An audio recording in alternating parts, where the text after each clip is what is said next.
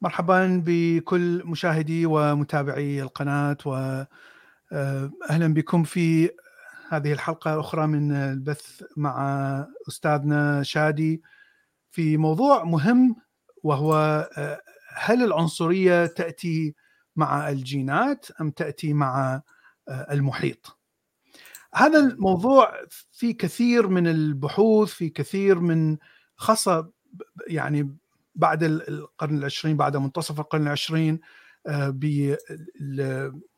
بعلم السايكولوجي وخاصة علم ال social psychology psychology المجتمع. طبعا نرحب بأستاذنا شادي آه، قبل ما نبدي. انت على فكرة انت أنت أخذت دوري. أنا مقدم الحلقة بشريك. أنا لازم أبلش وأنت تحت السي حياك صديقي تحياتي للجميع طب خليني أنا هيك أدخل الدخلة تحياتي لحضراتكم. آه، كتاب جديد أيضا يعني آه، اتفقنا عليه من عدة شهور على ما أظن. هذا الكتاب طلعت على آه، على دراسات وعلى معلومات ضخمة فيه. من ميزات هذا الكتاب من خلال ملاحظاتي بأنه بيجمع أكبر كمية ممكنة من المواضيع المتعلقة بقضية التعاطي الاجتماعي ما بين الفئات. خلينا نقول كلمة فئات. بسبب بأنه نحن نحن خلينا نقول الذكاء التحليلي موجود على طول عند البشر. إيه شو يعني؟ الذكاء التحليلي هو شغلتين إيجاد حلول للمشاكل وتصنيف categories يعني بيحاول كل ما يشوف معلومات كثيره بيحاول يصنف بعض المعلومات ضمن فئات. كل حتة سليمة بس لوحدها. على قولة آه، أولاد السكري. بس ولكن في شيء اجتماعي بيظهر إنه نحن بعد ما نقسم بعضنا لفئات ونعتبر حالنا ضمن فئة معينة ننتمي إليها وغيرها. تبرز بعض السلوكيات اللي فينا نسميها غريبة رح نتكلم هلأ رح يشرح الكتاب. أو ما نطلق عليه أحيانا بأنه بتكون عنصرية بطرف من أطرافها بتكون سلبية. بأنه نحن ضمن الفئات أنا مقسم الناس للسوريين لناس من المنوفية. هدول جماعة المنوفية دائما يعني متلقي ضربات يعني. هذا مش عارف عراقي. فنبدأ نلصق أمور هي ما لها علاقة بحقيقة هؤلاء الأشخاص وإنما بسبب أشكالهم أو أمورهم الظاهرية. بينما نحن بنعرف منشان أقدر سمي حدا أنه ذكي. بقدر أقول أنه ذكي. ذكي شو؟ عنده ذكاء لغوي بيحفظ.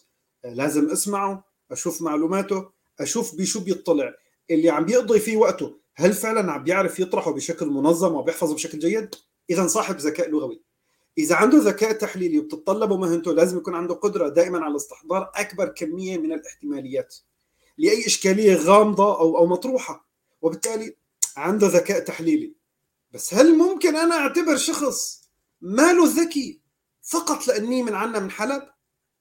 فقط لأني عربي هو ليس بذكي. ألماني هدول أذكياء. أمريكي هدول أخلاقيين وممتازين. إيطالي هدول مافيا. ما ما تقرب عليهم. مكسيكي هدول عصابات. أكيد طالع من جيب لوين مخدرات يعني هيك ببلاش يعني. وأكيد عابر الحدود بالغلط يعني. أكيد ما عنده إقامة نظامية إذا بتكساس يعني. مثلا هل هذا شيء منطقي؟ وبالتالي هنا قضية العنصرية هي عبارة عن وباء ينتشر بالسنين الماضية والعقود الماضية. وهذا واضح حتى من خلال كثير من انتصارات الشعبويين في الانتخابات وغيرها.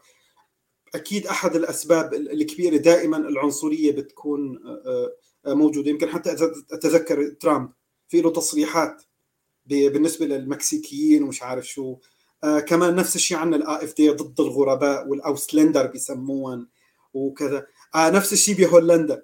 التخويف من الأجانب وال فهل العنصرية هل هي شيء طارئ؟ ولا هي عبارة عن جزء بتركيبتنا؟ تركيبة دماغنا أو جيناتنا لا ندري. هذا الكتاب يناقش وصديقنا بلال هو الذي آه، ارتكب جريمة آه، وضع الجهد الكبير لتلخيص هذا الكتاب باللغة الإنجليزية. فصديقي بلال آه، أين نبدأ؟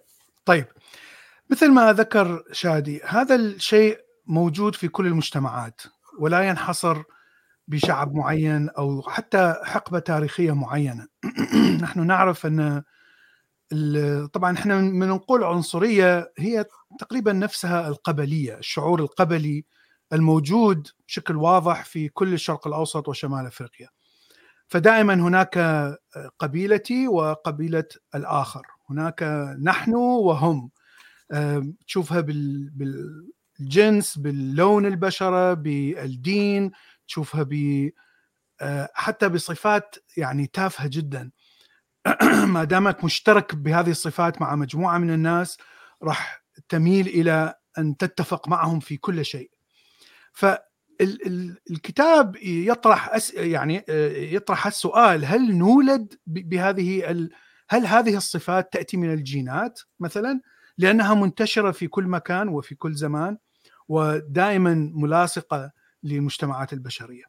الكتاب ليس فقط تجارب اجتماعية لكن حتى تجارب نيورو ساينس يعني آه، آه، ما تسمى ب علم الأعصاب فهي يعني يعني تخلط ما بين العلوم الطبيعية اللي هو علم الدماغ وأيضا العلوم الاجتماعية. أول دراسة هنا آه، تقول اظهروا صور سهلة التعريف لمجموعة من المشاركين مثل الصور الموجودة على السلايد. فأربع أنواع آه، آه، صور صورة لناس آه، عندهم إعاقة معينة، إعاقة جسمية معينة، صور لناس أغنياء جدا، صور لابطال أولمبياد، وصور لمتشردين في اللي يعيشون بالشارع بشكل دائمي. المشاركين بالدراسة كان لهم تقريبا نفس الاستجابة أو الجواب لكل هذه الصور. هناك دائما شفقة للمعاقين وللمتشردين. يعني نشعر بالأسف لأن هذا الشخص المتشرد يعيش في الشارع. وهناك آه، نوع من الحسد للشخص الغني والناجح بشكل آه، غير طبيعي. وهناك شعور بالفخر عندما ترى آه، بطل اولمبياد يعني صورة بطل اولمبياد خاصة من بلدك. المشكلة أن لما وضعوا هؤلاء تحت ال MRI وهو يعني حتى يصور الدماغ ويصور ما هي المناطق المفعلة شافوا أنه ال insula وهي موجودة داخل في داخل الدماغ آه، داخل القشرة وتعطيك الشعور بالغثيان شعور بالقرف والغثيان آه، عندما مثلا ترى جيف حيوانات عندما يعني هذه هذه الانسولا تفعل بشكل واضح. شافوا أنه الانسولا فعلت لما شافوا صور المتشردين. معناها هم فعلا داخليا شعروا بالاشمئزاز لكن جوابهم كان مختلف كان شعور بالشفقة. فهل هذا معناه أننا آه، نشعر أننا نشعر بشيء لكننا نتكلم شيء آخر؟ فعندنا آه، نوع من النفاق الموجود حتى نغطي العنصرية. التي آه، موجودة داخلنا. يعني هذا كان الاستنتاج من الدراسة. لكن طبعا الاستنتاج هو نوع من السؤال آه، وليس يعني آه، استنتاج قطعي. الدراسة الأخرى هي في مكان في الغرب الأوسط ميد ويست الأمريكي اللي عادة كلهم بيض ويعني هناك آه، قلة من إما المكسيكان أو السود أو إلى آخره. آه، وضعت صور لطلاب من الإعدادية هؤلاء المشاركين في في الدراسة وكلهم بيض. إحدى هذه الصور كانت طالب أسود غير معروف بمعنى إنهم لا غير موجود صورة شخص غير موجود عندهم بالمدرسة. الامجدله في هؤلاء المشاركين راسا آه، شطحت صارت مفعلة. الامجدله هي المكان الذي يعطيك الخوف القلق حتى ممكن مشاعر قوية للهرب أو للهجوم. يعني دائما تحفز مشاعر حتى إما أهرب أو أهجم. الشيء الواضح أنه ليس فقط عند البيض. فهناك دراسة أخرى لمشاركين سود وبيض أيضا يشاهدون صور لأشخاص مختلفين. عندما يرى شخص صورة نفس الجنسية أبيض يرى أبيض أسود يرى أسود المناطق اللي تفعل هي التقاء الفصوص الثلاثة الدماغ في الأعلى. وهذا المكان هو الذي يعني يسمى بال social recognition فنحن نحاول أن نتعرف عن هذا الشخص بشكل اجتماعي ونحاول ان نعرف هل نعرف هذا الشخص من هو يعرفه من أي قبيلة هو من أي عشيرة هو ما هو دينه ما هو كذا من من شكل العيون من شكل الأنف. هذا كله يعني يعمل بهذه المنطقة. فإذا فالشخص اللي يشوف نفس الجنس هذه المنطقة تفعل. إذا شفت شخص من بلون مختلف أو جنس مختلف الاميجدلا تتفعل. اذا يعني هذه هذه يعني شيء واضح أن هناك نوع من العنصرية. خلينا نقول نوع من العنصرية الموجود آه، على الأقل من عند حتى عند الأولاد أو الأطفال اللي خلينا خلينا, خلينا نقول في برمجة داخلية بتتغلب علينا؟ يعني مجرد ما شفنا صور أنا عم بشوف صور ناس مجرد ما شفت دماغي لحاله ببلش بيعطي نعم هاي هاي هاي راح نشوفها في دراسة أخرى. نعم نعم نعم. هنا دراسة أخرى لرجال شرطة. المشاركين طبعا يلعبون كمبيوتر جيم. آه، لعبة كمبيوتر آه، فعليا يظهر لك شخص مجرم وأنت يجب ان أن تقتله. الشخص المجرم هذا ممكن أن يحمل سلاح أو ممكن ما يحمل سلاح. فإذا يحمل سلاح فيقول للمشارك الشرطي إنه يجب أن تضرب إذا كان يحمل سلاح ويريد أن يقتلك. الدراسة وجدت أن الأميجدلا تفعل بوقت قصير جدا. 0.2 ثانية. وهذا يحصل حتى قبل أن يدرك الإنسان أنه شاهد سلاح معين. فهذه كانت يعني يعني كانت شيء فعلا غير غير يعني متوقع. لأنه عادة عدلنا هالجمله عدلنا هالجمله أنا هيك فهمت. أنا الآن بدي أشوف شخص ضمن الفيديو جيم إذا معه سلاح فيعتبر تهديد. ولكن نعم. الاميجدلا بتعطي إشارة تهديد بدون ما تشوف السلاح مجرد ما شافت شكل الشخص. بدون ما تعي. لونه أسود نعم. أو أبيض أو بدون ما تعي. والشيء الآخر أن اللي شافوا أنه الشرطه والشرطه كانوا كلهم بيض المشاركين. أنهم يميلون إلى يعني عدد المرات الذين اللي قتلوا بها هذا في اللعبة هو عادة يقتلون سود أكثر من بيض. مهما كانت يعني حتى وان وإن كانت طريقة المجرم اللي اللي يشيل السلاح وكذا إذا كانت identical كانت بالضبط مصمم بنفس الطريقة آه، مع السود والبيض كالشخصيات المجرمة. فشافوا أنهم يقتلون سود أكثر. ف وهذا يعني يعني آه، كأنه يعطي آه، بعد تاريخي لماذا دائما هناك فضائح لشرطة يقتلون شخص أسود في أمريكا. لكن هذه ليست كل القصة. يعني من مهم أن نعرف أن هناك دراسات كثيرة أخرى تعطي بعد آخر لهذا الموضوع. راح نذكرها بالنهاية. الشيء الغريب أن هناك دراسة أخرى شافت أنه بنفس اللعبة إذا كان هذا وجه هذا الشخص الأسود يبتسم فشدة استجابة الاميجدلا أخف. تكون أخف. فاذا ملامح الوجه آه، آه، طبعا لأنه نحن بدون ما نحس الريكوجنيشن للوجه والفم والأعين هذا يحدث بشكل سريع جدا عندما نرى صورة. فبنفس السرعة التي آه، الاميجدلا شو اسمه تعمل بها أيضا التعرف على الملامح يعمل بشكل سريع وهذا خاصة في الفص القذلي في مؤخرة الجمجمة. فهنا لما يكون الوجه مختلف عن وجه المجرم الطبيعي الذي إحنا نشوفه بالأفلام ونشوفه بال مثلا ال documentary نشوفه آه، صور المجرمين صور الكذا اللي عادة يكونون معصبين دائما سواء كانوا بيض أو سود. لكن إذا تشوف شخص مبتسم أو شخص يعني relaxed آه، ملامحه آه، لا توحي بهذه ففي ال amygdala تكون أخف وهذا شيء مهم جدا. هناك دراسة آه، مهمة لمراهقين. هنا نشوف شلون الإنسان بطبيعته يحاول أن يكون قبائل بشكل تلقائي. فأعطوهم صور لكاندنسكي وكلي هذول رسامين مشهورين. وقالوا لهم اختاروا من هو الرسام الأفضل اعتمادا على هذه اللوحات. شافوا أن هؤلاء انقسموا إلى قسمين قسم فضل كاندنسكي والقسم الآخر فضل كلي الآن أعطوا لكل طالب على حدة قالوا له إذا أعطيناك مال وتريد توزع هذا المال على على المشاركين منو راح تعطيه؟ الشيء اللي صار طبعا المتوقع أن كل إنسان اللي يحب كاندنسكي أعطى نقود للمجموعة اللي تحب كاندنسكي. فهذا يبين وطبعا نفس الشيء في المجموعة الأخرى. فيبين أنه إحنا نميل إلى تكوين قبائل بطريقة تلقائية.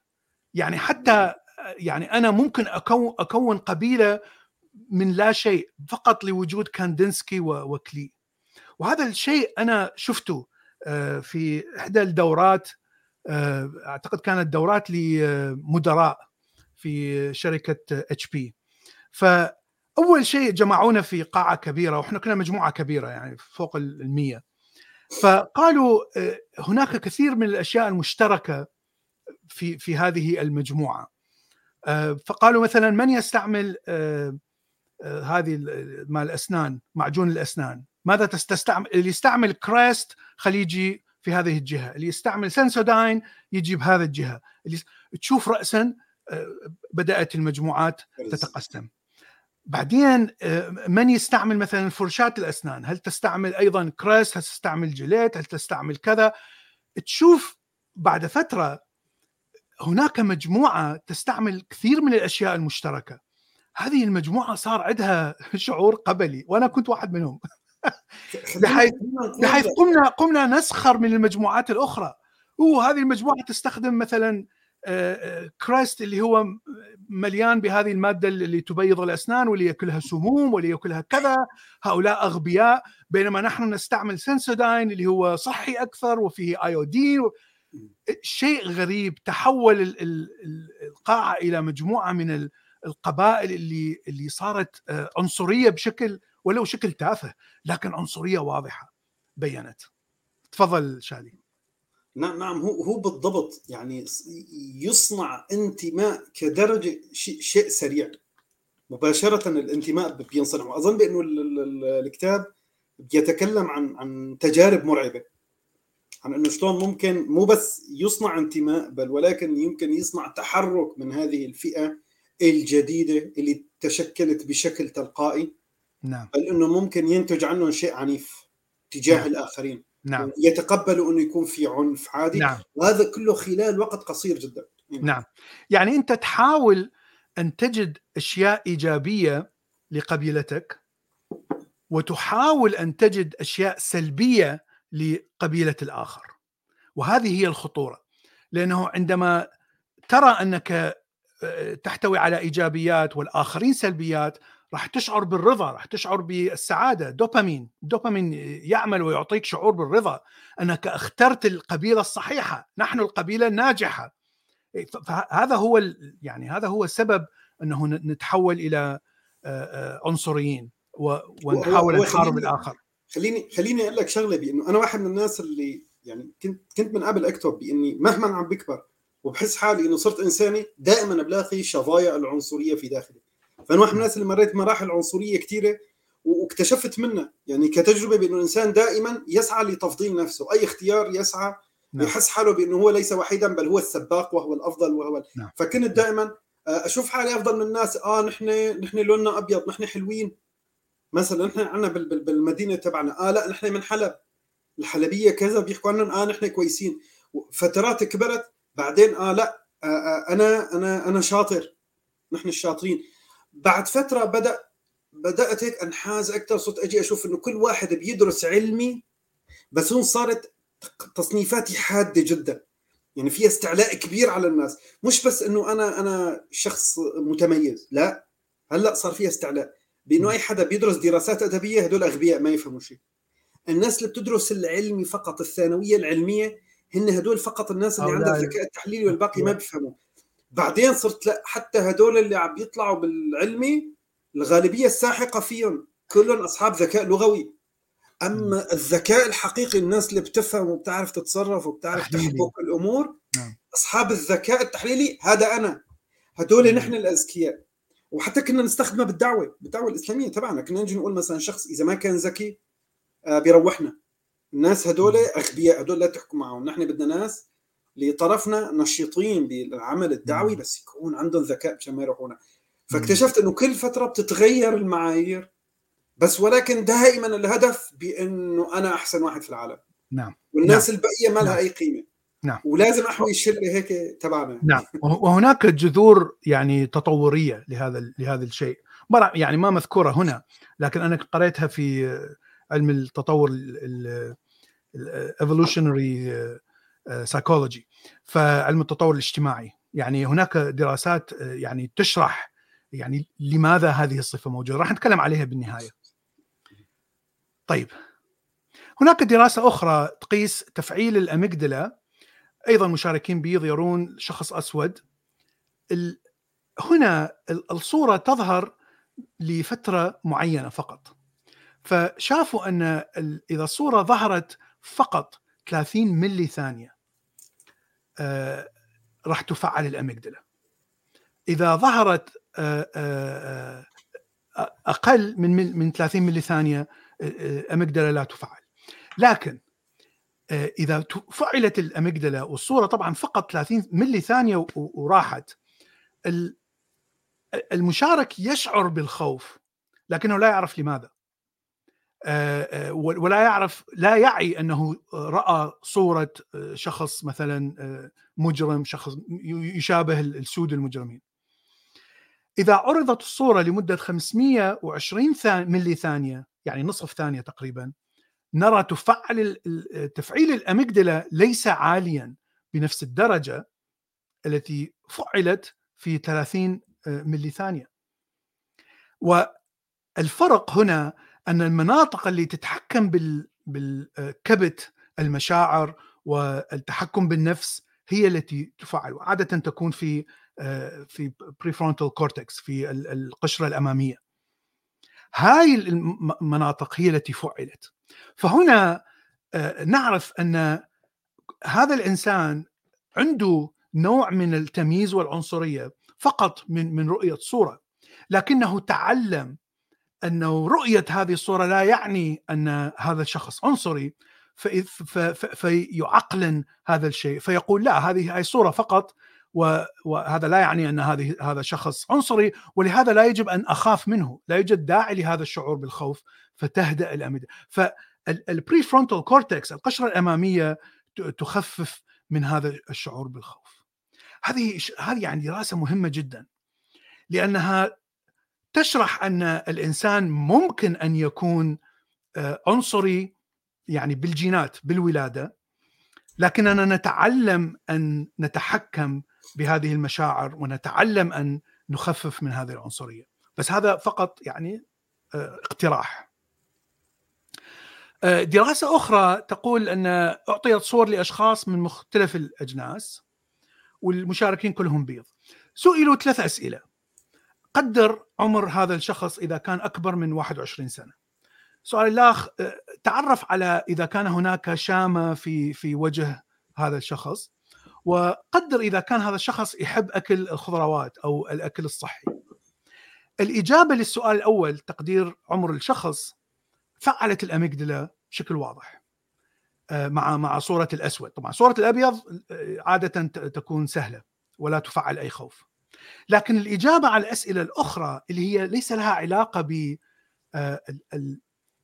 كون هذا الشخص قريب من عمري أو بالغ أو قريب من من مجموعتي فمثلا إذا كان الشخص يحب الخضروات هاي ليس لها علاقة إذا كان هذا الشخص مجرم أو غير مجرم شكله غريب أو لا فقط لأنه هذا الشخص هل هو يحب الخ... فأنا ابحث عن أشياء صحية في وجهه مثلا فأشوف إذا مثلا وجهه يعني صحي جدا معناته ممكن أن يكون يحب الخضروات. الإجابة على السؤال الثاني والثالث لم تفعل الأميجدلا مع صورة الأسود. إذا الكونتكست أو بالعربي يعني الموضوع الذي تجيب فيه أو تفكر من خلاله يؤثر بشكل كبير على هذه الفكرة على الغريزة العنصرية. مع أنه يعني أنت لا تفكر بشكل طويل يعني أنت لا تحلل تحليل طويل عادة يعطوهم مثلا دقيقتين فقط أو دقيقة واحدة للجواب فهذا مهم أيضا يعني يعطيك نوع من هناك طرق عديدة للسيطرة على هذه المشاعر أو مشاعر العنصرية. نعم هل هل هل هل, هل نحن ضمن هي النقطة اللي مرينا فيها بنتكلم فيها عن عن الجينات؟ لأنه عندي سؤال هيك بسيط أو تعليق بخص الجينات.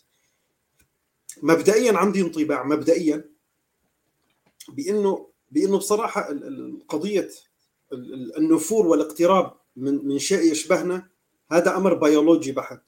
بس نقول كلمة بيولوجي يخص كل الحيوانات.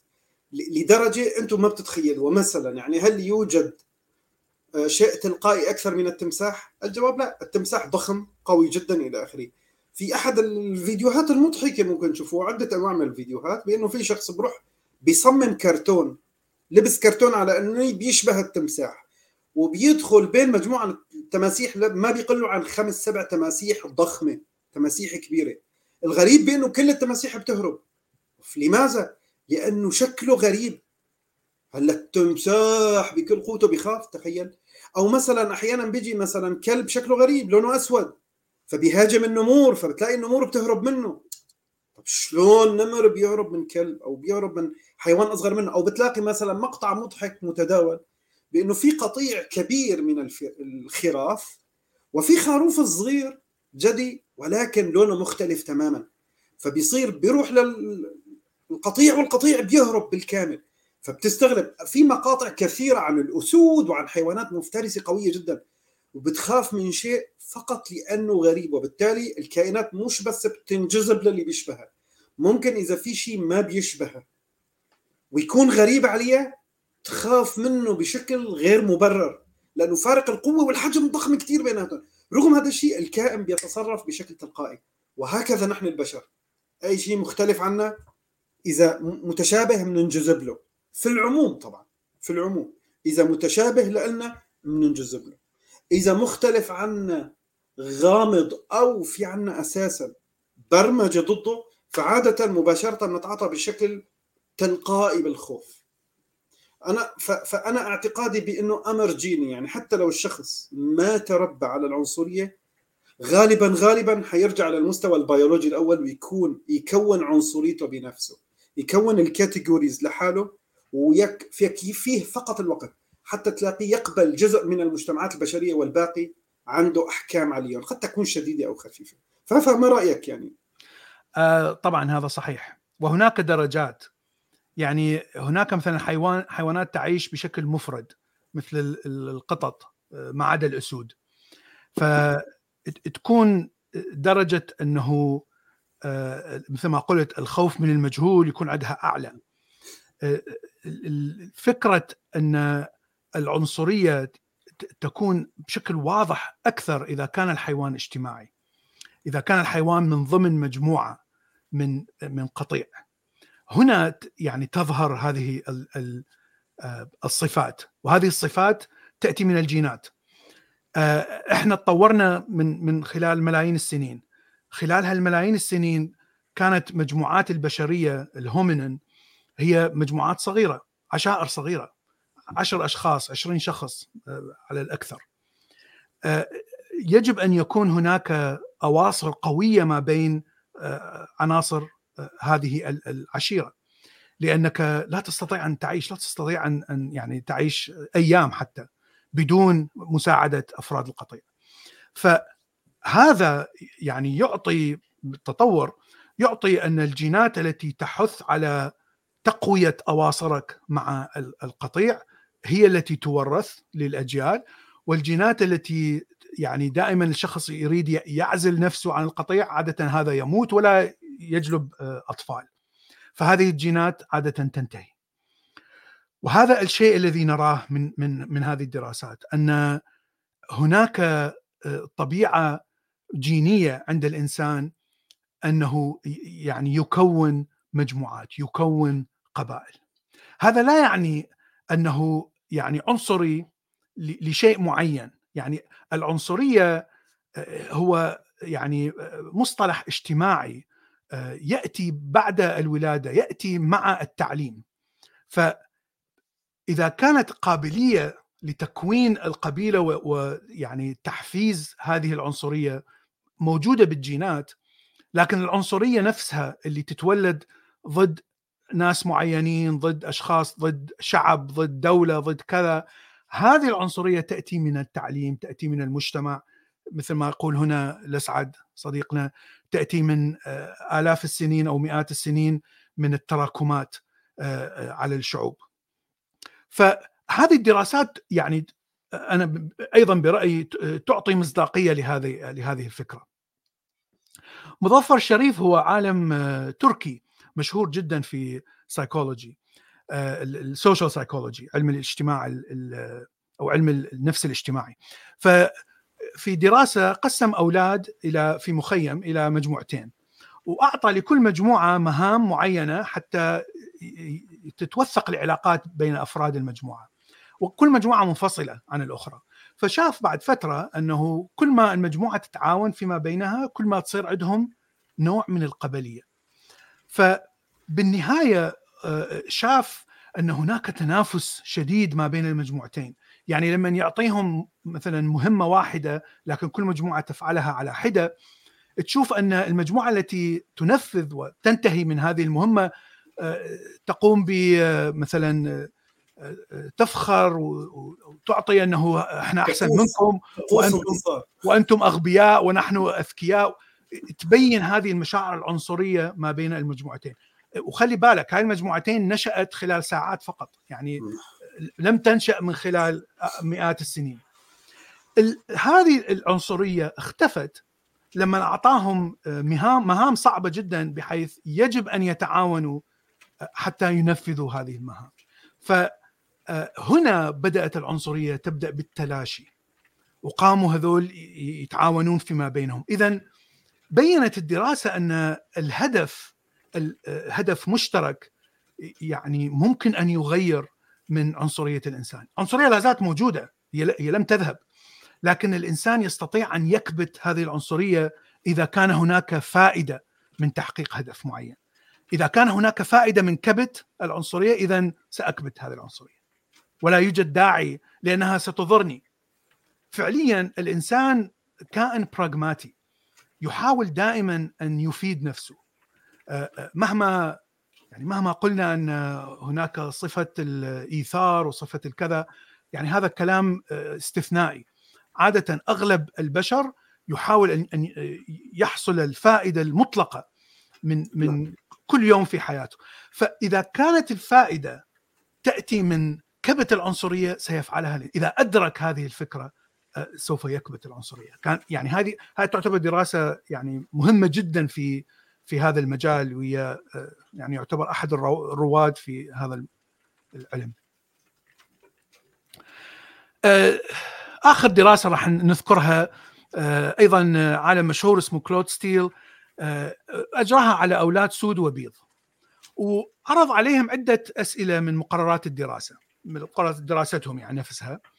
لكنه سوى الامتحان مرتين. مرة ذكر لهم السبب هو تقييم نسبة ذكاء المشترك.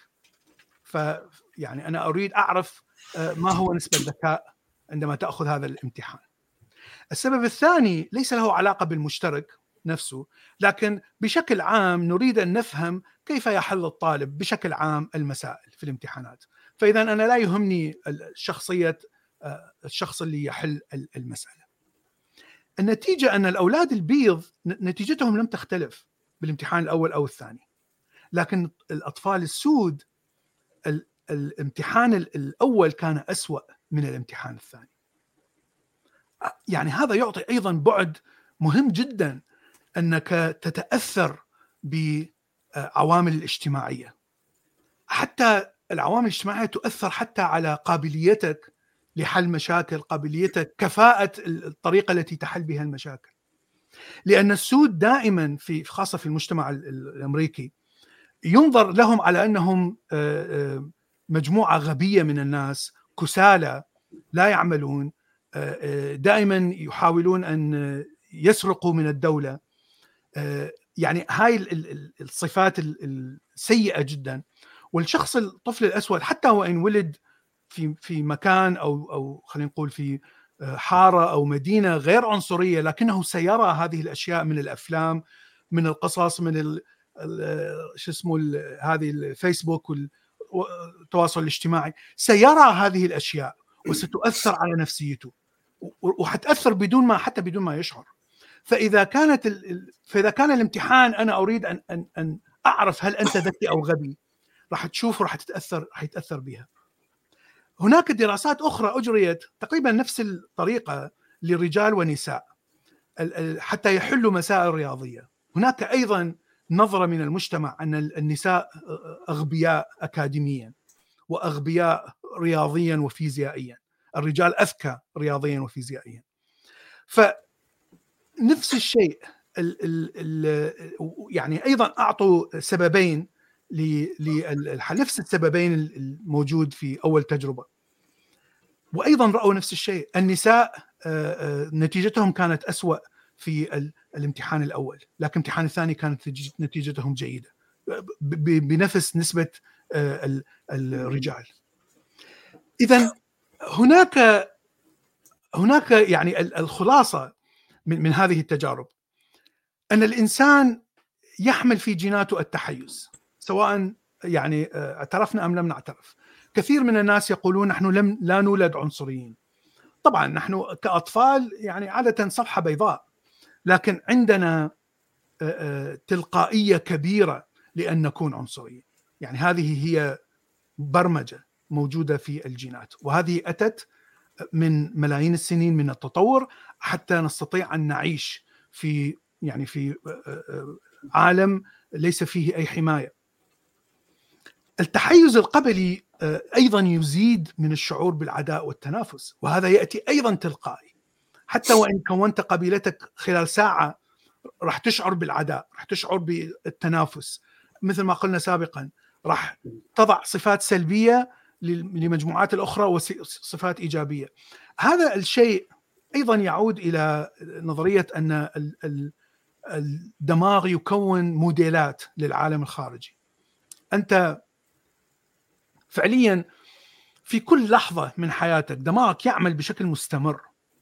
وياخذ كل المعلومات التي يراها يسمعها كذا ويحلل هذه المعلومات ويعدل الموديلات التي نصنعها داخل الدماغ. عندنا موديل لكل شيء. عندي موديل للوجه وجه الإنسان. عندي موديل لخطورة الإنسان خطورة الحيوان. آه، عندي موديل حتى للأفكار المجردة. عندي موديلات لها. وهذه الموديلات يعني تتغير مع تغير ال experience مع تغير التجارب التي نعيشها في الحياة. الطريقة الوحيدة حتى يتغير هذا الموديل بشكل جذري هو عندما يعني تأتيك معلومات أن هذا الموديل خطأ.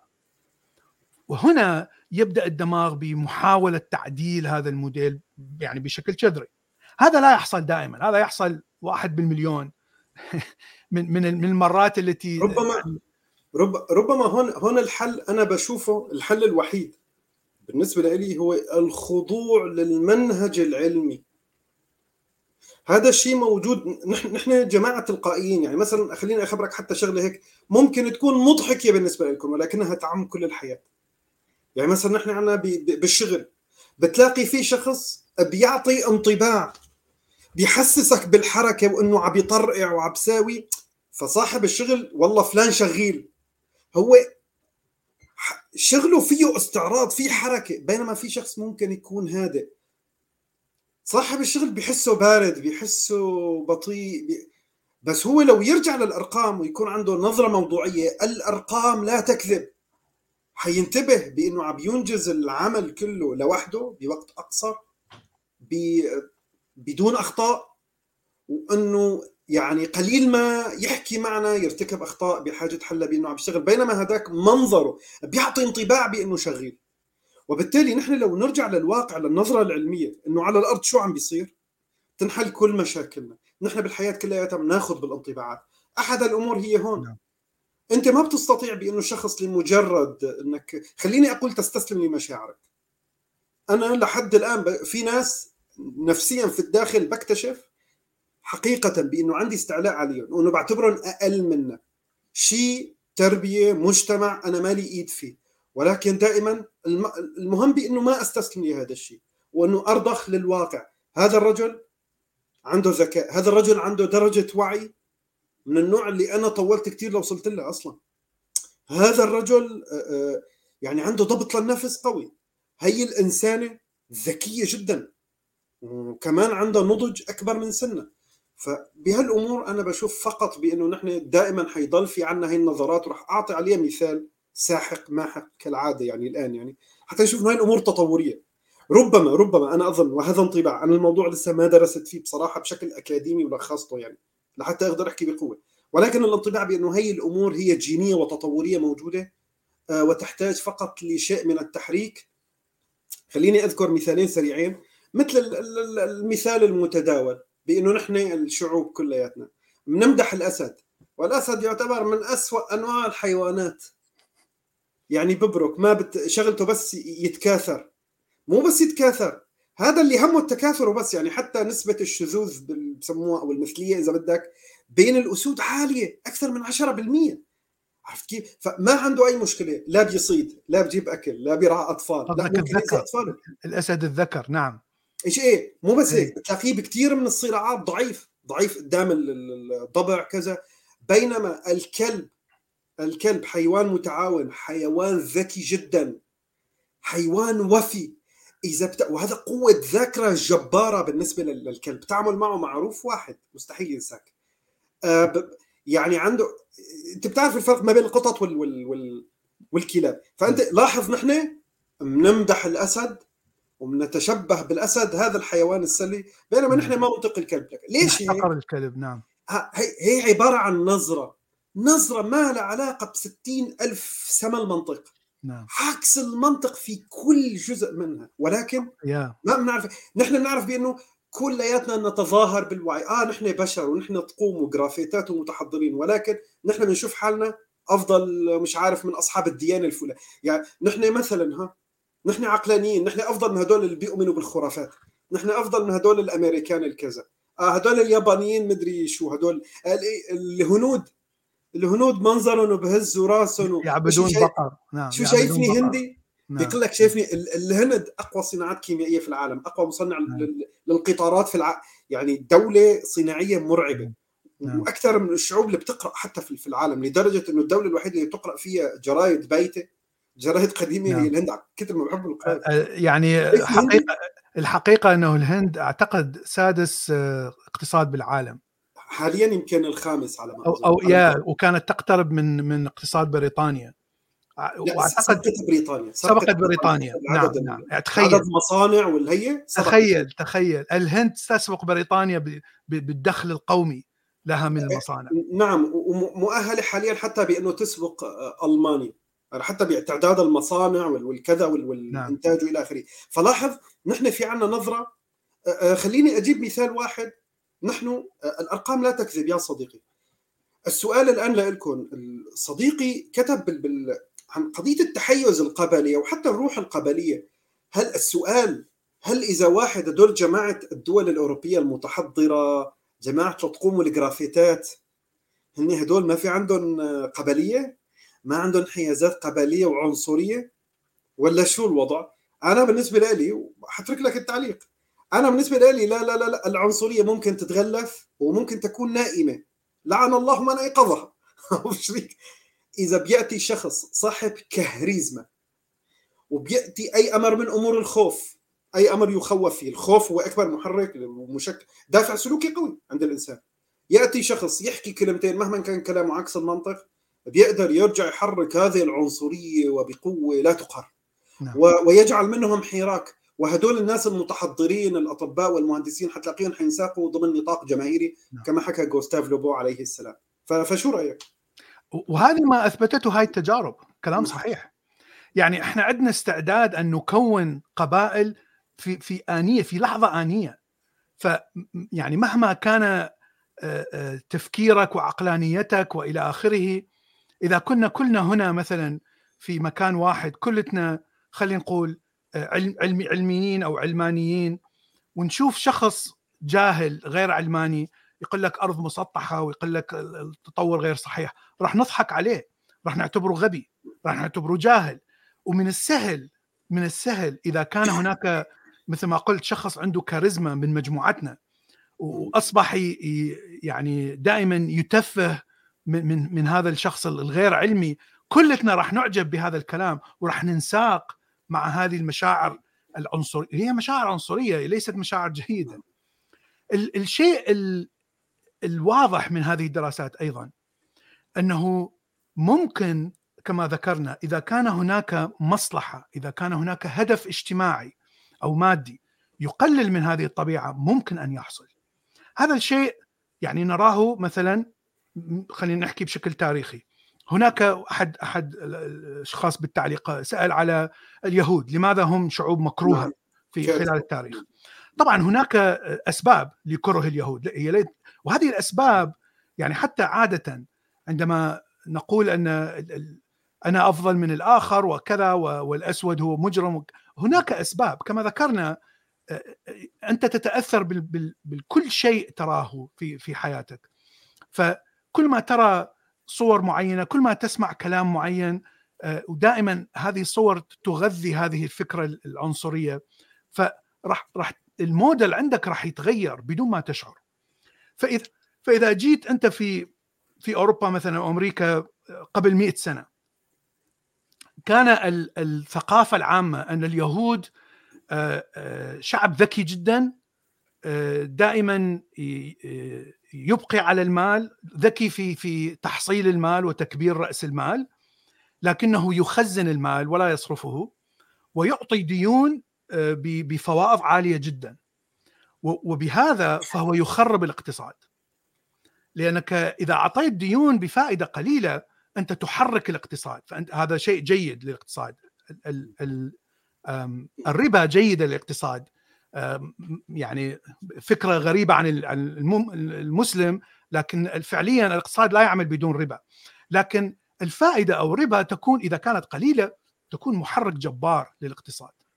لكن إذا كانت الفائدة عالية جدا مثل ما نراه الآن في الكريدت كارد هاي بطاقات الكريدت هذا تخريب للإقتصاد هذا ليس شيء جيد لأنك عاده ستدفع أضعاف وأضعاف وأضعاف المبلغ الطبيعي. فأنت فعليا آه، لا تصرف أموالك آه، للسوق. أنت تصرف أنت تعطي أموال فقط لهذا الجهة اللي تعطيك آه، أموال.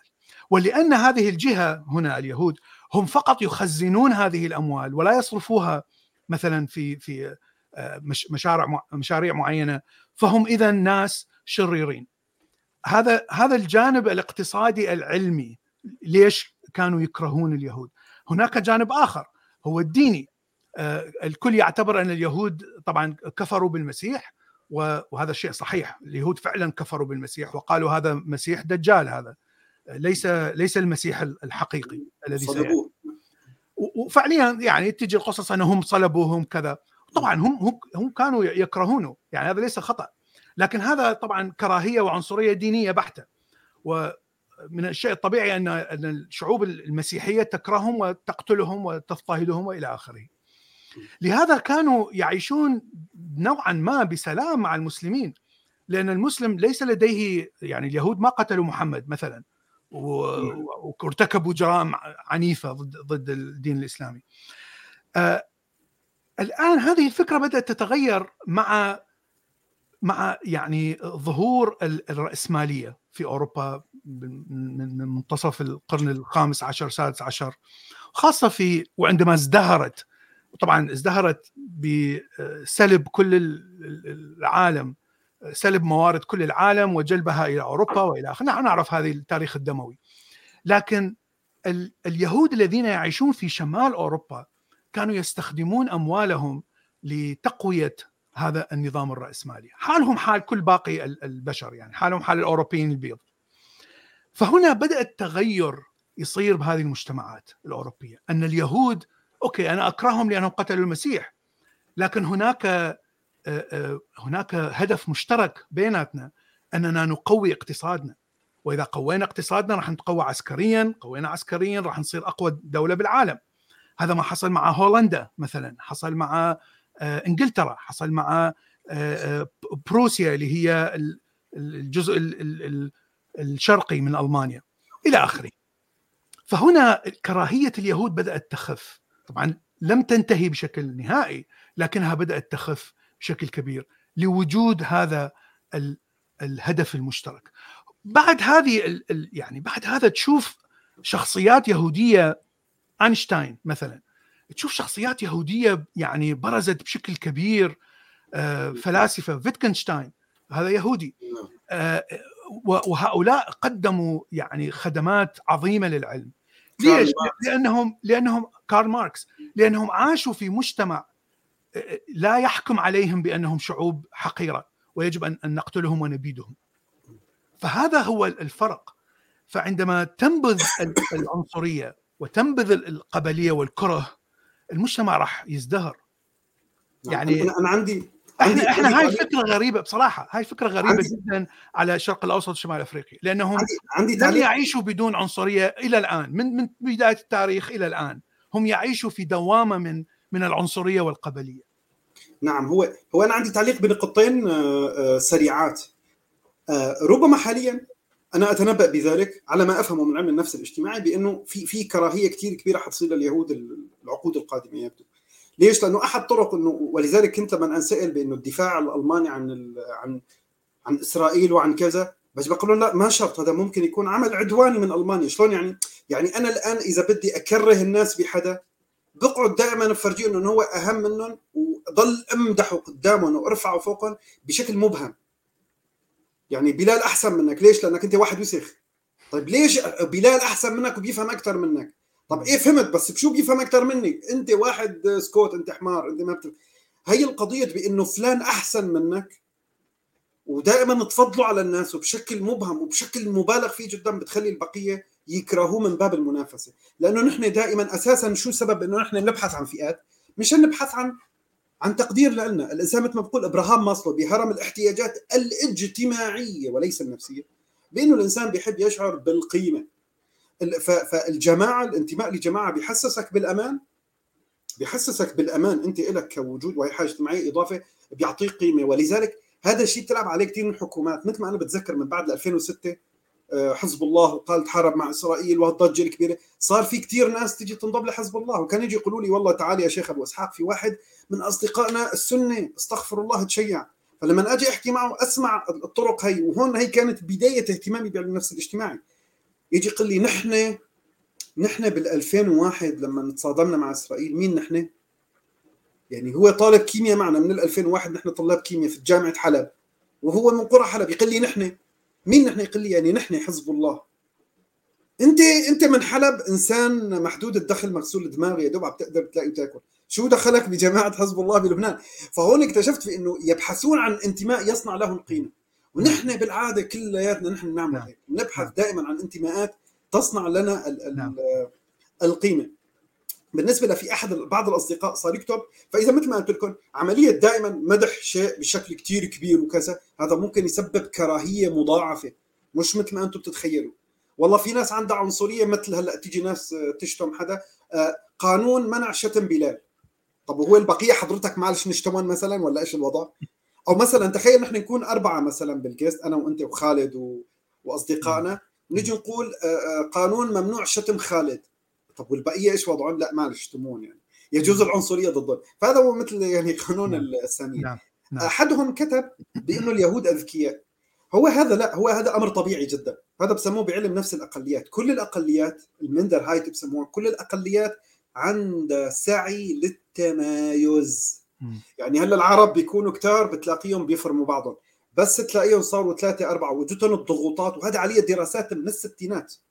أحاول أدور على كتاب دراسة علم نفس الأقليات من أمتع الأمور اللي ممكن تمر عليكم بحياتكم وتشوفوا شلون المجتمع ممكن تتمايز. وخاصة لو حبينا نربطه بشيء بيحكوا عنه مفهوم التاريخانية اللي بيقول بأنه التاريخ تصنعه الأقليات أساسا. التاريخ دائما صنعته وتصنعه الأقليات وليس الأكثريات. بعكس ما يتخيل البعض. وبالتالي علم نفس الأقليات بياكد لك انه أي مجموعة مجرد ما تصير أقلية ضمن أكثرية دائما بتتصرف بطرق معينة وكل هذه الطرق هي سعي للتمايز يعني الهنود مثلا الأرمن.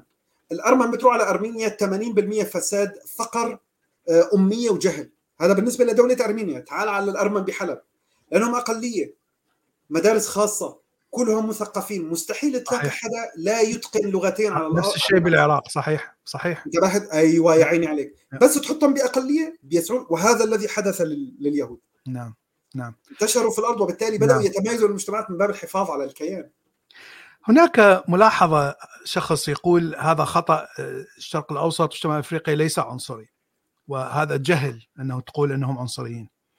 بالحقيقة أنا كنت أيضا متصور ان أن نحن كشعب بالعراق نحن لسنا عنصريين. وهي دائما تسمعها عادة عندما تجي مقالة أو أو خطبة على الغرب خاصة أمريكا أنهم كيف أن أمريكا عنصريين وأنهم يحتقرون السود وقوانين آه، تفرق ما بين الأسود والأبيض نقول آه بينما إحنا شعب عظيم ليس عندنا تفريق. بلال الحبشي كان أسود فلان كذا كان صهيب بن سنان كان رومي سلمان الفارسي. فهذه الأفكار فقط تهدئ آه، هاي الأفكار التي تنبش هاي العنصرية الموجودة في الداخل مع الأسف. وفقط تكتم هذه المشاكل لكنها لا توضح أننا فعلا عنصريين. والعنصرية قد تأتي من الدين أيضا لكن هناك عنصرية في في داخلنا. أنا ذهبت بالأردن اشتغلت في شركة كان فيها شخص أسود يعمل شخص يعني أصله أفريقي لكنه يقول انه هو من فلسطين وطبعا يعيش بالأردن. لكنه أسود أسود زنجي بحت يعني حتى غير غير غير مختلط. آه، فكنت أتكلم مع آه، شخص آخر بالشركة. فأقول له يعني فكنت أشرح نفس الأفكار. كنت أقول نحن غير نحن لسنا عنصريين. شوف الغرب شوف الأمريكان شلون عنصريين. بينما شوف إحنا عندنا هذا فلان أسود يعمل معنا وإحنا نعامله بكل طيبة. فالشخص هذاك ابتسم. قال لي طيب أنت تقول أنت غير عنصري هل تقبل أن هذا يتزوج أختك؟ أنا يعني ترددت شوية. بعدين يعني بعد عدة ثواني قلت إيه ليش لا؟ لكن لماذا هذا التردد؟ لماذا صار عندي هذا التردد؟ وبالحقيقة فكرت بعدها. يعني فعلا هناك عنصرية. أنا ممكن أن أقبل أن أختي تتزوج أو بنتي تتزوج شخص من نفس العشيرة بسهولة بسهولة من الموصل أنا من الموصل بسهولة لأن أعتبر صفاتي تشبه صفات هذا الشخص من عشيرتي. فهو مضمون الموديل اللي عندي لأهل الموصل موديل عنصري لأنه لأنه أنا أشبههم بصفاتي أنا. طبعا هذا خطأ هذا لا يعني أي شيء. لكن إذا يأتيني شخص حتى هو ليس أسود إذا أتاني شخص من سوريا شخص من إيران شخص شيعي شخص مسيحي هل تقبل أن يتزوج ابنتك وأنت سني؟ وأنت سني من الموصل أو أنت سني متعصب؟ لا تقبل. هذه عنصرية. إذا الأغلبية في هذه الشعوب هي عنصرية. المشكلة نعم. أنه نسبة الغير عنصريين قليلة جدا مع أن الكل يدعي أنه ليس عنصري. هلا خليني أنا أقول هون كلمه أنا دائما بقول لنا الغرب لا يوجد فيه مظاهر العنصرية. ما اعلموا بانه البشر كلهم عنصريين. كل إنسان بيحب اللي بيشبهه بيحب اللي بيشبهه بينفر من اللي بيخالفه. دراسة عملتها كندا عبارة عن 40 صفحة أنا اطلعت على الدراسة كاملة. 40 صفحة باللغة الإنجليزية. إذا بدك برجع بدور لك عليها وببعث لك إياها. آه، عملتها وزارة الهجرة. وكان بوقتها وزير الهجرة هو شخص اسمه حسين من من الصومال دكتور هو. آه، وكان وقتها وزير الهجرة الكندية. عملوا دراسة كتبوا فيها 7000 CV وأرسلوها للشركات. فشافوا ردود الأفعال نفس ال 7000 CV بعثوها للشركات ولكن بأسماء أخرى. بالمرة الأولى كانت أسماء أغلبها بتدل على شو؟ على أسماء ناثان وجون وهيك يعني الأسماء البيض الأوروبيين. واللي بعدها كانت أسماء تغلب عليها الآسيويين الشرق أوسطيين الأفارقة.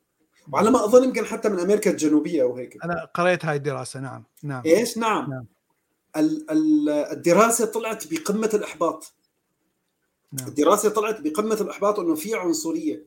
يعني انت لما بدك شخص يكون يتحمل العمل الروتيني يكون عنده ذكاء تحليلي يكون عنده نعم. مثلا شدة انتباه أو من النوع اللي ما عنده ذكاء شديد لأنه لازم يعمل عمل رتيب هذا إذا بيكون بيفكر عقله بيطق لازم يكون نعم. من النوع اللي يقبل الأمور الرتيبة أو بده يكون عنده شهادة معينة كل ما بيكون عنده هالشهادة كل ما بيكون ممتاز يعني مثل أنا أنا ياما بجي بدخل بمواقع العمل اللي بدهم شغل كيميائي بس المشكلة العمل فيه بيولوجيا. فلما بيكون biochemistry إنه هذا من السماء وما له دكتور وما له ماستر. يعني راتبه قليل. ما ما ما مضطرين نعطيه أكثر من كذا في الساعة. وبالتالي هذا لقطة. تخيل بإنه بيرفضك. وبيرفض موقع للشركة ممتاز وبوفر عليه آه، بس لأنه بسبب الاسم بسبب الشكل. هذا شكله ملامحه ما لم مثل ملامح هيك الناس الحلوين تبعنا. الأخلاقيين يجوز ما عنده أخلاق. يا. إيه فلذلك مظاهر العنصرية مش موجودة ولكن العنصرية قد تكون حاضرة بقوة. وطبعا العنصريه بألمانيا, نعم. بألمانيا أنا بعتبر العنصرية أقوى بكثير لأنه الحكومة حتى آه، انطلبت طلبات انه يعملوا دراسات. لرصد العنصرية كان حتى يرفضوا يعملوا دراسات تخيل لأي مرحلة. وهذا يعتبر اسوء بكثير. نعم أنا متفق معك. العنصرية موجودة في أمريكا بشكل واضح. الشيء يعني العنصرية تبرر أيضا في أمريكا. الجيل يعلم الجيل الآخر خاصة الناس الجمهوريين اللي يؤمنون بقوة آه، الاقتصاد وحرية الاقتصاد وطبعا آه، سلطة الدين. الدين مهم جدا عندهم. الدين المسيحي هو أهم شيء ويجب أن آه، يعني هو الذي يقر كل القوانين. ف فكرة أن حرية الاقتصاد والدولة يجب أن لا تصرف الأموال على الناس على يعني برامج خيرية أو مساعدة هذا يجب أن يكون من ضمن الدين والكنائس. هذه الفكرة تعلم للأطفال. من ضمنها أن الشعوب الطبقة الكسلانة الطبقة الفقيرة التي لا تعمل يعني مو مو الطبقة التي تعمل لكنها أجورها قليلة لا هذول أوكي هذول تمام. لكن الطبقة التي لا تعمل وفقط تأخذ مساعدات هذه الطبقة هي المشكلة مثلا في اقتصاد أمريكا أو اقتصاد أي دولة. وهنا يأتي يأتي تأتي العنصرية. فهو يعني يصور كل الجنس الأسود من هذا النوع. طبعا هذا خطأ. ليس كل السود آه، كسالى ليس كل السود أغبياء ليس لا يوجد هذا الشيء. هناك شيء يعني هناك حتى هناك مصطلح يسمى ب white trash أو الأبيض الزبالة.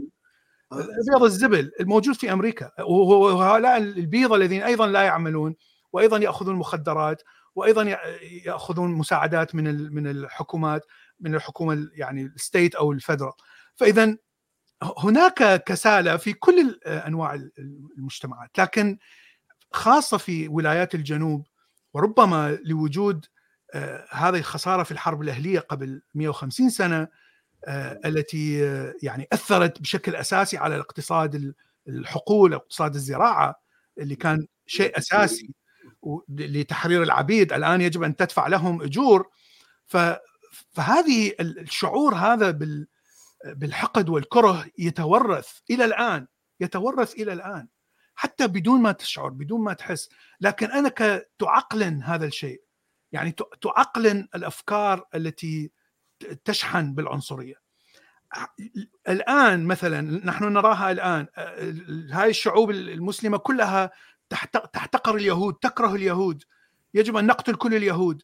ليش؟ لأن إسرائيل تقصف غزة. أنا معك إسرائيل دولة مجرمة كدولة. نعم صحيح. نعم. هذه يعني هذه جرائم التي ترتكب الآن في غزة. لكن هذا لا يعني كل اليهود مجرمين. نعم إذا كان هناك أقلية يهودية مثلا في العراق ستكون يعني الناس سيبيدون.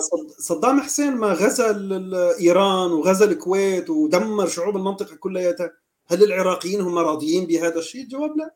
نعم نعم. أكيد جواب لا. أنا أنا عندي عندي فقرة أخيرة أتمنى هيك لو لو تنزل السلايدز يعني ما عندنا بحاجته وعندي أنا عندي سؤالين حابب أختم فيهم. طبعا أحد الأسئلة انطرح سؤال قضية التطرق لجين الشر. وهل العنصرية مفيدة للمجتمعات؟ آه بس ولكن هو حسب وقتك. خليني أنا هون عندي سؤالين. أول سؤال هيك بدي هيك جواب هيك انطباعك الشخصي.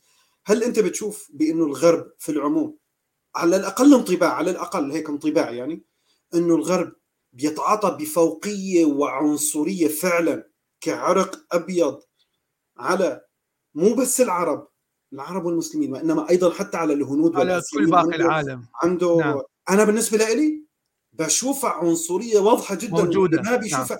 نعم. إنه مو مصالح. هون اللي بيقول كلمة مصالح سياسه يعني بيكون غشيم. نعم. بيكون نعم. ما له فهمان السياسة وما له فهمان عنصرية الاثنين سوا. نعم. لا ليست عنصرية بحتة جدا تلقائية جداً. عنصرية نعم. تلقائية. نعم صحيح. هذه هذا الشعور الفوقي مثل اللي ذكرناه في البداية أنه أنا دائما أريد أن أقوي عشيرتي.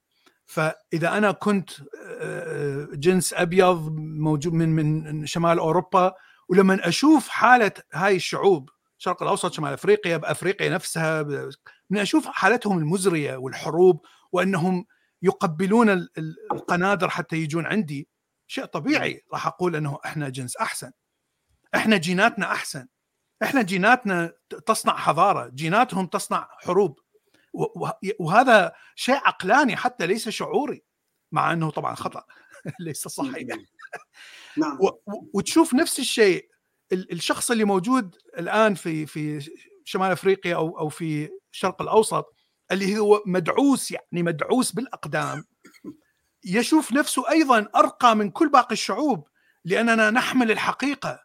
الدين الإسلام محمد نحن نحمل نحن راح نروح للجنة بعد بعد على على فكرة وراح نضحك عليهم بالجنة. فإذا في الجنة سنكون نحن منتصرين. هذا الشعور يعطيك رضا يعطيك سعادة. كل شخص في العالم كله راح راح يعقلن أنه عشيرته أفضل سواء كان حتى وإن كان نيتيف امريكان هذول الأصليين السكان الأصليين لأمريكا. هذول أيضا يعني آه، أيضا شعوب مسحوقة تماما ومهزومة أراضيهم كلها سرقت بلا بلا بلا إلى آخره. الآن يقولون إحنا عندنا ثقافة روحانية أرقى بكثير من من الثقافة المادية أو من الأديان الإبراهيمية التي أتتنا من الغرب. إحنا عندنا ديانه عندنا ديانة متصالحة مع الطبيعة، لا لا هاي هاي فلسفه فلسفة قريبة من البوذية حتى. حتى يعتبرون نفسهم أرقى من البوذيين. يعني إحنا متصالحين مع الطبيعة، نحن لا نقتل كل الحيوانات وكذا ونقتل كل البشر. يعني كلام فيه نوع من الصحة. بس حتى يشعر بالرضا أنه أتى من من هذه الجنس الخسران في النهاية. نعم يعني دائما أتلمس أنا حتى شعور بالنسبة للصينيين وأنت أعلم بهم يعني. مطلع أكثر على الوضع الصيني بأنه حتى الصين الفترات الأخيرة أنا عم بشوفها إنه عم تعطي شيء من الربكه تربك الغرب بأنه الصين اللي هي كانت القسوة والشعب يشتغل وماو تسي تونغ وال30 سنة والطيور اللي دمرت وكل التخريب بعدين فجأة اتجهت شوي للليبراليه والرأسمالية شوي شوي. رأسمالية ليست ليبراليه لكن رأسمالية. أيوة. نعم. أيوه نعم. بجوز إيه بعيدة يعني. إيه، بلشت بقى تدخل مو بس بلشت تنتج ب تدخل بالإنتاج العلمي بشكل قوي بغزو نعم. الفضاء بالذكاء نعم. الصناعي. مو هيك. نعم. وبدأت بعض الأمور تسبق فيه الغرب. ما مش بس عم بتقلد وإنما نعم. بدأت تسبق الغرب. وأنا بشوف بأنه كل سبب هو العنصرية. هون عندي سؤال دقيق نختم فيه. عندي سؤال دقيق فالآن أبو تشريك جد بده نعم. تفتيح. حضرتك لأنك أنت آه، آه، ذكرتني بموضوع الأطفال. قضية مثلا التعاطف مع الأطفال والتعاطف مع الحيوانات على سيرة الكلب الجميل اللي جنبك. نعم. أنا بستنى الفترات القادمة مشان أجيب كلب. بس حتى أنا أعتبر شخص آه، لا زلت عربي لا أفهم التعاطف مع الحيوانات. ليش؟ لأنه بدي أجيب كلب هاسكي. هذا الهاسكي الحلو الجميل نعم نعم القوي نعم. اللي آه نحن لا نعرف معنى تعاطف مع كائن جميل. نعم. بس يعني كائن لطيف. نحن لا زال لدينا معايير الجمال.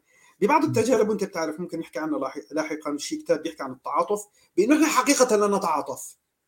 بالتجارب لما جابوا أطفال شكلهم حلو جميلين بيض البشرة عليهم ريحة حلوة لابسين حلو كل الناس اللي بالشارع تعاطفت. مين انت؟ آه. وهذا اللي يشتري له بسكوتة وهذا اللي يشتري له ألعاب ووقفت كل الناس هذا اللي يخبر الشرطة هذا اللي يخبر الدفاع المدني يدوروا على الأهل. الكل تعاطف وساب شغله وضلوا جنب هذا الطفل الصغير. تجارب كانت بساحات وتجربة بأمريكا يعني. بنفس المنطقة شخص يعني كمان طفل ولا كانت مهمة هذا الطفل يضل واقف ولكن هالمرة أسمر لبسه ماله حلو كثير يدل على إني فقير. ما عليه ملامح الحلاوة تبعيت الصور اللي بتنتشر عن الأطفال. لا دائما لازم يكون أنفه حلو وعيونه حلوين. ما محقق المعايير هاي. ما حدا تعاطف معه خالص لدرجة إنه أحد التجارب بتقول إنه الطفل هذا مطلوب إنه يضل واقف هو طفل صغير يعني يا دوب بيعرف يمشي شوي يعني. مطلوب إنه يضل واقف. الطفل تعب ساعة ونص ما في غير وحدة yeah. ماشي بسرعة. آه وين وين بابا وماما؟ مو هون. اكتشفت إنه لوحده وتركته وكملت. راحت يعني ما انه إنه طفل ضايع. اكتشفت إنه ضايع. كملت. الشخص الوحيد اللي وقف بالتجربة والطفل إنه ما عاد فيهم يستنوا أكثر من هيك. آه، بتتعب رجليه صغير. فتخيل بإنه تبين بإنه أنت بتحسب حالك. أنت مفكر حالك بإنك أنت متعاطف. أنت بالآخر في أشكال بتشبهك. بتتعاطف معها نعم. في أشكال ما بتشبه هي نعم. قضية نعم. انجذاب وما انجذاب. حتى أنت قضية العنصرية في شيء كثير ضروري نحن ما تعطينا في اليوم لأن نحن عم نختصر بس أنتم فهمكم كفاية. يعني مثلا أنا لما يجي واحد يخبرني على شيء ضد بلال. إيه والله بلال هيك هيك هيك. إيه هذا العراقي اللي كذا. أنا عندي استعداد إنه أصدق. إذا في شيء سلبي ضدك بس إذا حكوا لي على نعم. واحد سوري وخاصة لو كان من حلب من عنا أو من الطبطه أو مش عارف مين راح تلاقيني فجأة صرت شادي الذكي. أنت متأكد من اللي قالوه؟ يعني أنت شفت الموقف بناء فجأة يتحول لكائن ذكي تحاول تحاول تشكك نعم. اذا بتحكي عن شيء هو بيحس حاله بينتمي له أنا بعتبر حالي أنتمي للوعي وليس للخرافات والضلالات والمجتمع. الثالث. نحن خلص صرنا غربيين وألمان وهيك. إذا بتحكي عن الألمان أنا بتشكك باي شيء أنت عم تحكي. نعم. لا لا الألمان مو عنصريين أنت عم تحكي. بقعد بشكك بكل شيء. نعم. رغم إنه هذا جزء أصيل من أي هذا هذا الشيء تستطيع ان أن تشوفه بحياتك كل يوم. by the way يعني ممكن تشوفه أنت لما تتعامل مع أشياء يومية معك هذا نعم. الشيء يصير نعم. شخص لأني هو مثلا مكسيكي أو ك... أنا عندي استعداد أصدق أي شيء سيء عنه بدون أي دليل ومين نعم. أنا على أساس إنسان منطقي ولكن السؤال الآن هي قضية حتى التعاطف مع الحيوانات والأطفال كذا هل هي سببها فعلا بأنه نحن كمان عندنا توجهات عنصرية ولا هي نظرة جمالية بتعرف تناسقيات الجمال تبع الدماغ قانون نعم. الجمال نعم إنه في شيء نحن ما بنعرف ليش بنعتبره حلو وهذا الحلو نعم. نلصق فيه كل آه، مهما انخدعنا خلاص ملامحه نعم. حلوة كذا هيك عرفت شلون؟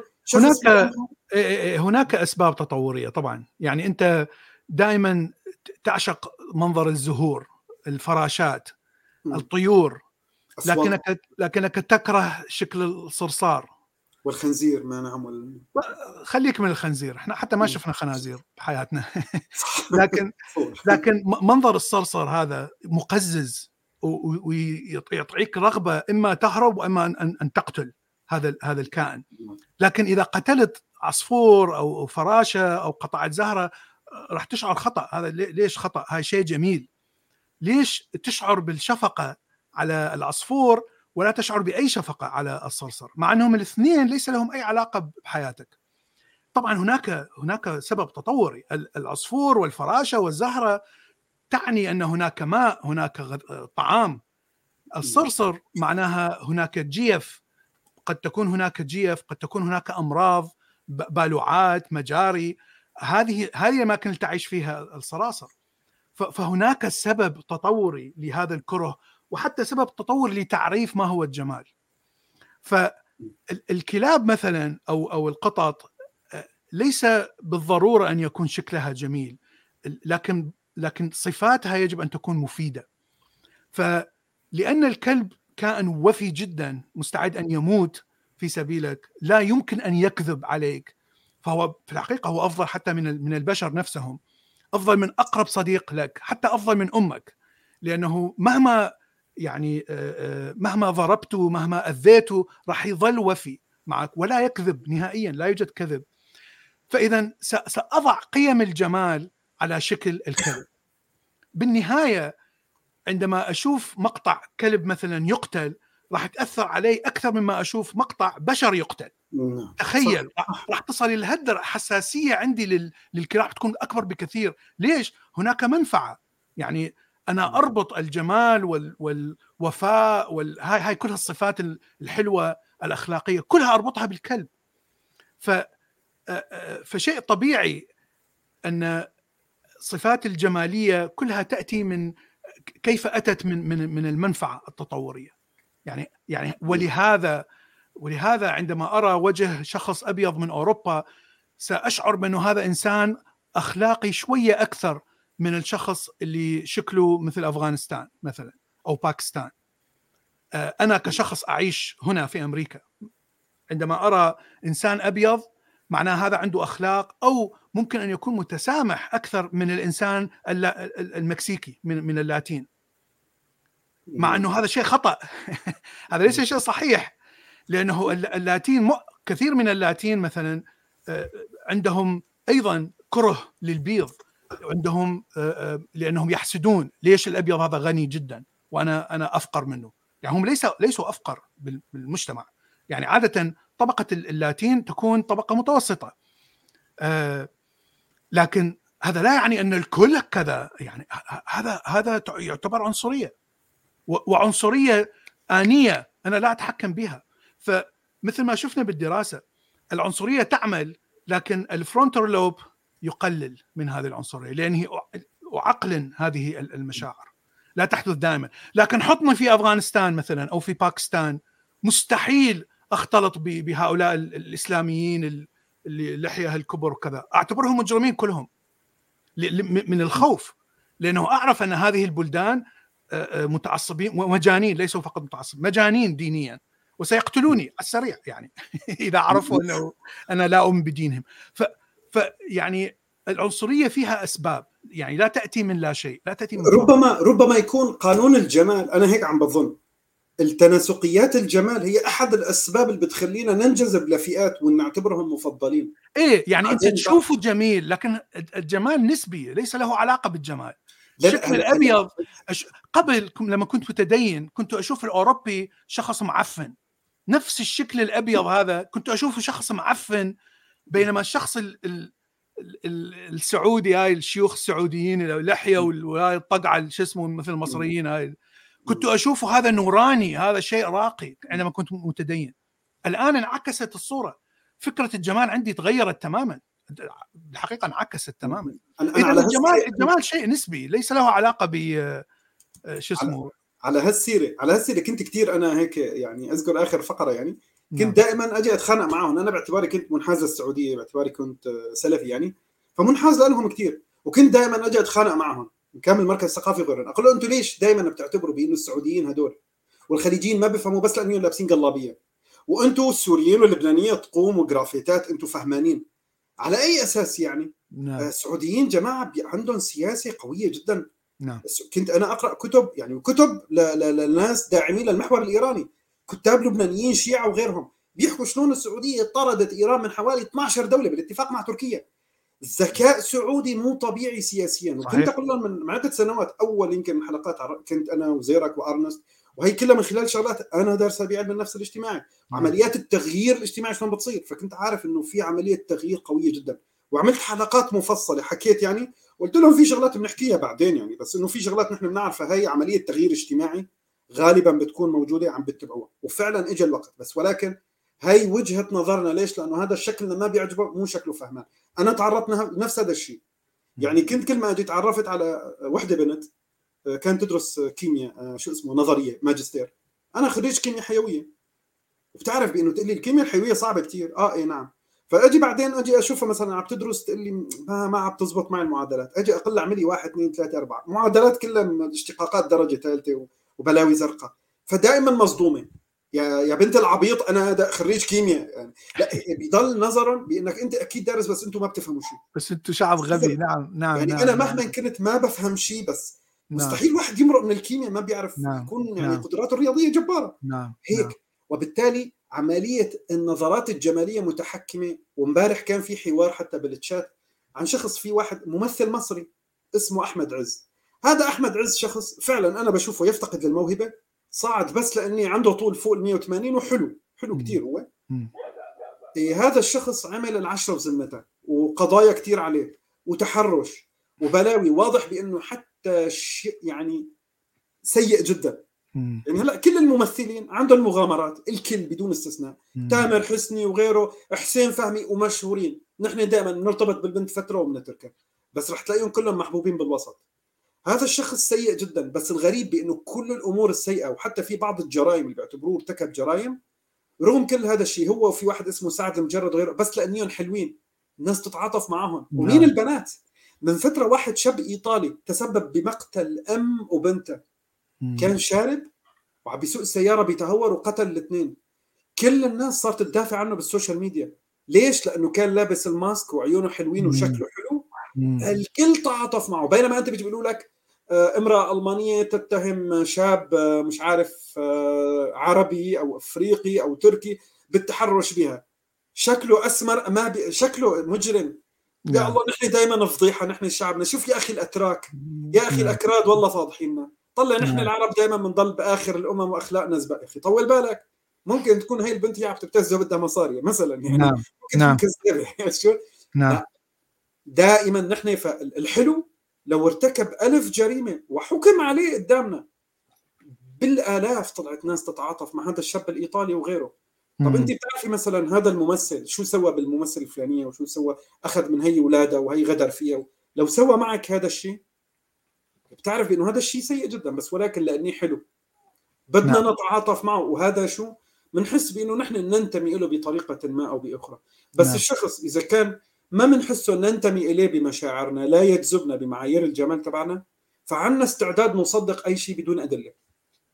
ومعايير الجمال كما ذكرنا الشخص آه، اللي شكله حلو بمعنى أنه يعطيك آه، نوع من آه، الصحة. كل ما كان ال... وشيء غريب هو يعني يعني شيء تطور مع الزمن ويتغير.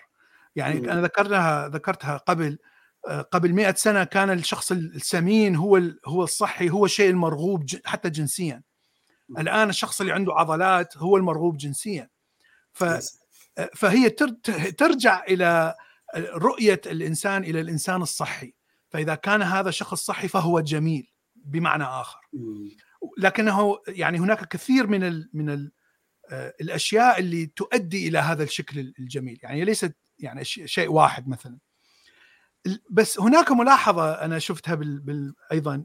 يقول أن القانون يحد من العنصرية. يعني هذا نوع من الحل.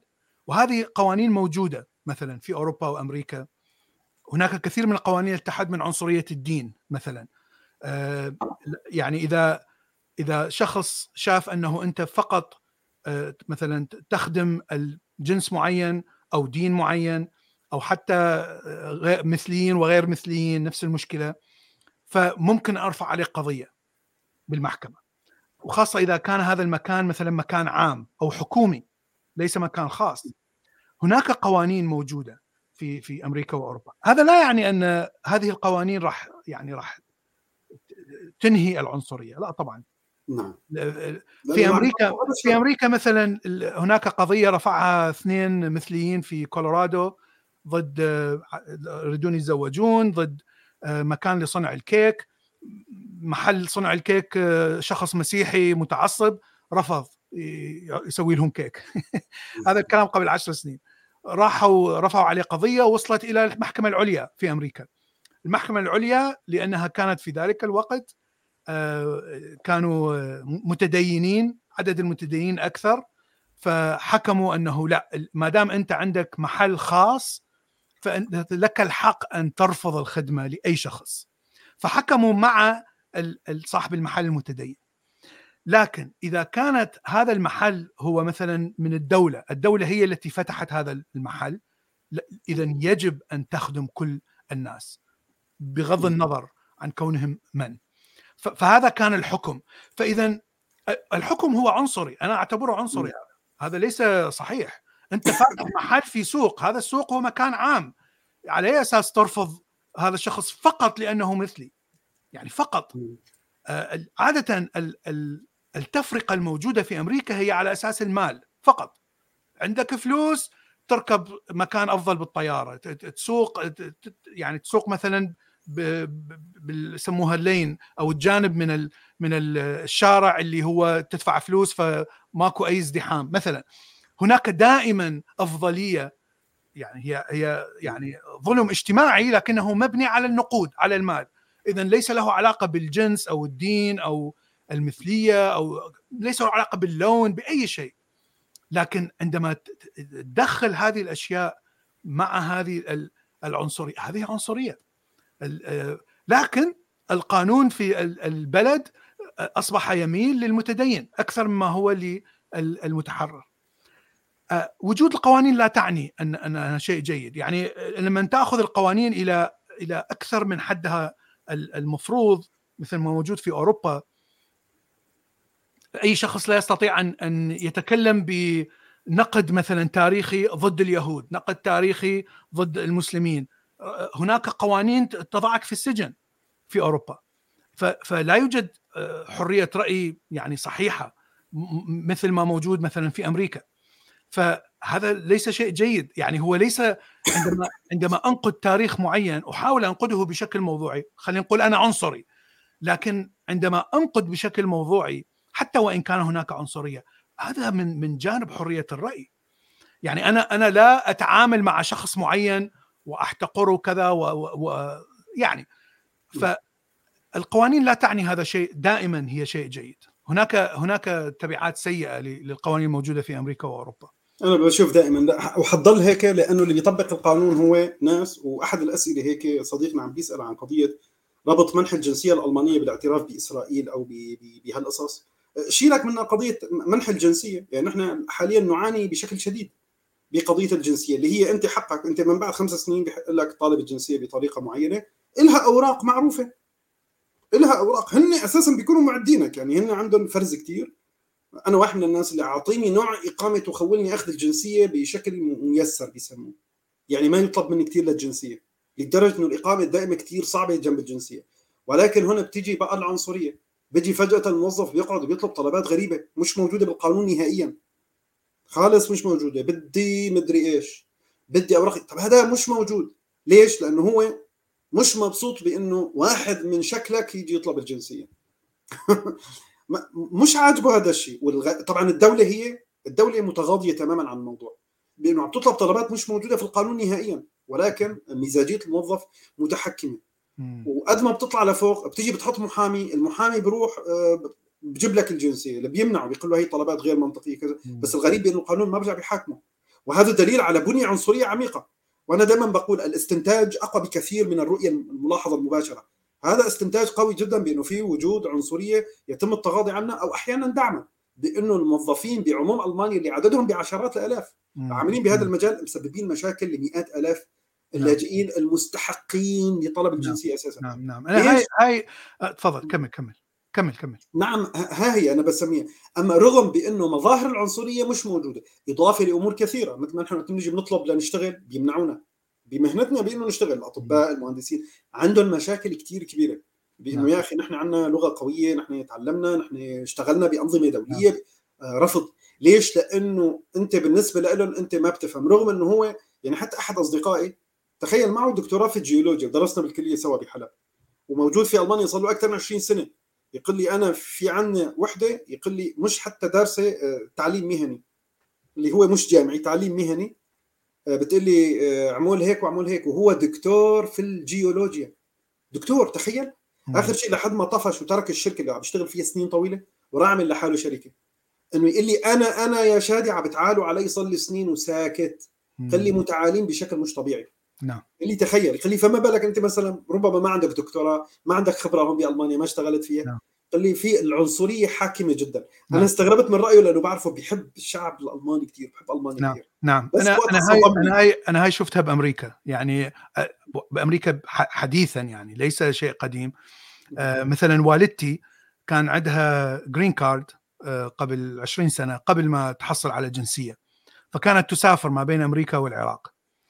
آه، اكتشفت أنه عندما تدخل أمريكا عن طريق نيويورك فموظف بالمطار دائما يكون آه، عدواني بشكل كبير أنه ليش تسافرين شهرين؟ ليش اعطيناك green card لكن؟ ليش اعطيناك كذا؟ شو روحي بتسوين انت بالعراق؟ شو شو شو لك بال Middle East؟ شو لك بال... يعني يعني أسئلة غير كلها غير قانونية يعني إذا تشوف نعم. القانون قانون الدستور الأمريكي أنت ما لك أي علاقة آه، صح. ما لك أي حق تسألني انه شو ما دام أوراقي صحيحة وما دام green card بعده قانوني لكن إذا أتت عن طريق سان فرانسيسكو تدخل يعني أمريكا عن طريق سان فرانسيسكو المعاملة بشكل يعني عظيم. مرحبا وكيفك؟ وكذا welcome welcome وكذا. مع إنهم الاثنين بيض. الاثنين ال officers بيض. فإحنا دائما نقول آه نيويورك جزء بها يهود كثير جزء شخص يهودي مثلا. يشوفك محجبة وكذا ويكره المسلمين يكره العرب. يشوفك اسمك عربي جاية من العراق. ممكن ممكن.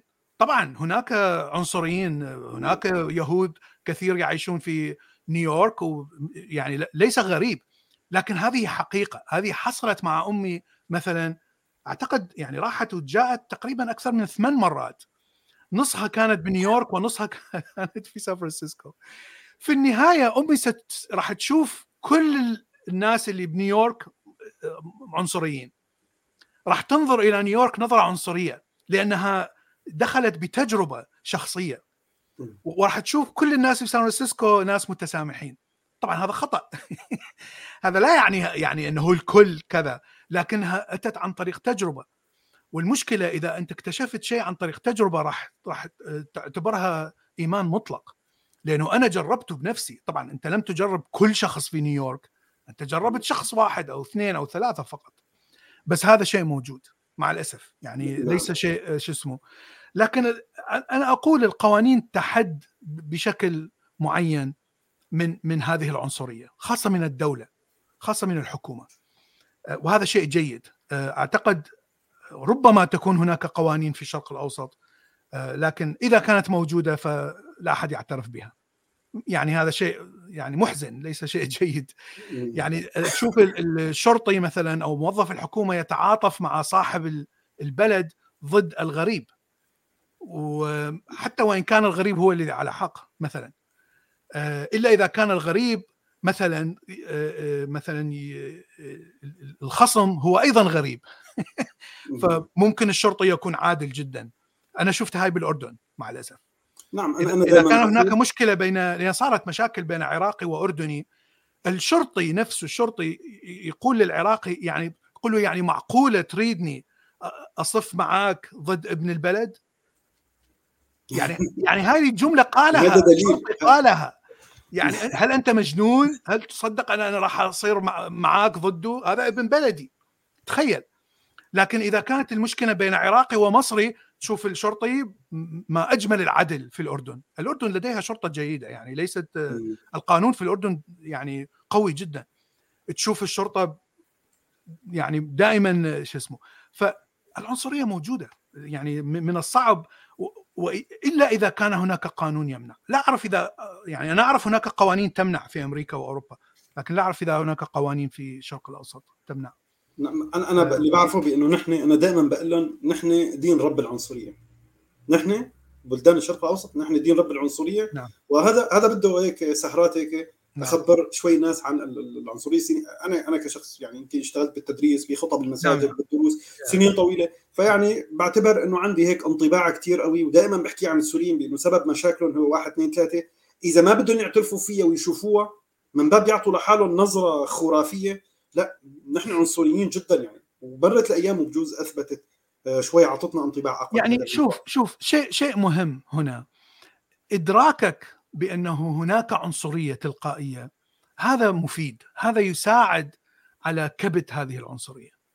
يعني حتى وإن يعني حتى وإن قلت أننا شعب عنصري آه، يعني من الصعب أن تقول نحن كلنا عنصر. طبعا لا. لكن هذا الإدراك هذه المعرفة أن هناك تلقائية عنصرية آه، هذا يساعد على كبت هذه. أعتقد أنه هذا شيء صحيح. نعم ربما ربما. أنا بشوف بالآخر يعني بعيدا عن المثالية أنا بشوف بانه العنصرية بضل بضل لها فوائد مو بس هيك حتى التعميمات. يعني أنا مع مع الشخص اللي بيعمم. وقت بيجي بيقول لك أنك بتدخل أو مثل ما عم بيحكي الدكتور فيكتور قال إجى على أمريكا ست مرات بفيلادلفيا طالع وروحه بس بلوس أنجلوس كان يدخل بسلاسة. إذا الأمر تكرر أنا مع تعميمه. لأنه مش منطق مش منطق. يعني مثالية زائدة إنه أنا والله لا أنا طالما إنه جربت كثير فبتبين امرين هاي الحاله عم تتكرر والدولة ما عم بتكافحها وبالتالي النظام الحكومي هنيك ما عم بي نعم. ما عنده رقابة حكومية على هذا الموضوع. وبالتالي هذا نعم. المكان سوف يجتذب دائما بشكل عنصريين أكثر. أنا أعمم أيوه. نعم. نعم. وأنا بجي بشوف أنا واحد من الناس بشوف مثلا ها العراقيين أغلبهم بشوفهم عصبيين. وبيحبوا يلعب دور الرجل الحمش القوي فأنا بتحاشى كثير بالحوار. هلا أنت حضرتك عراقي صديقنا زيرك كمان عراقي من أهدى الناس وأكيد في كثيرين بس ولكن أنا واحد من الناس كتخفيف للاحتماليات الاصطدام والجروح والكسور والضحايا على الأرض إيه يعني إنه بتقلل يعني دائما بتفعل القاعدة العامة وتقترب بحذر نعم الموديل الموديل اللي اللي أيوة. تكونه نعم نعم, نعم. الموديل نعم. أنا بدي أشكرك جزيلا صديقي نعم. حلقة جميلة وشكرا على الجهد اللي بذلته بتلخيص الكتاب وأكيد لحلقات أخرى. وبتحب نعم. تختم شكرا شكرا للجميع طبعا وشكرا لشادي ونتمنى أن تكونوا استفاديتوا وتصبحون على ألف خير مع السلامة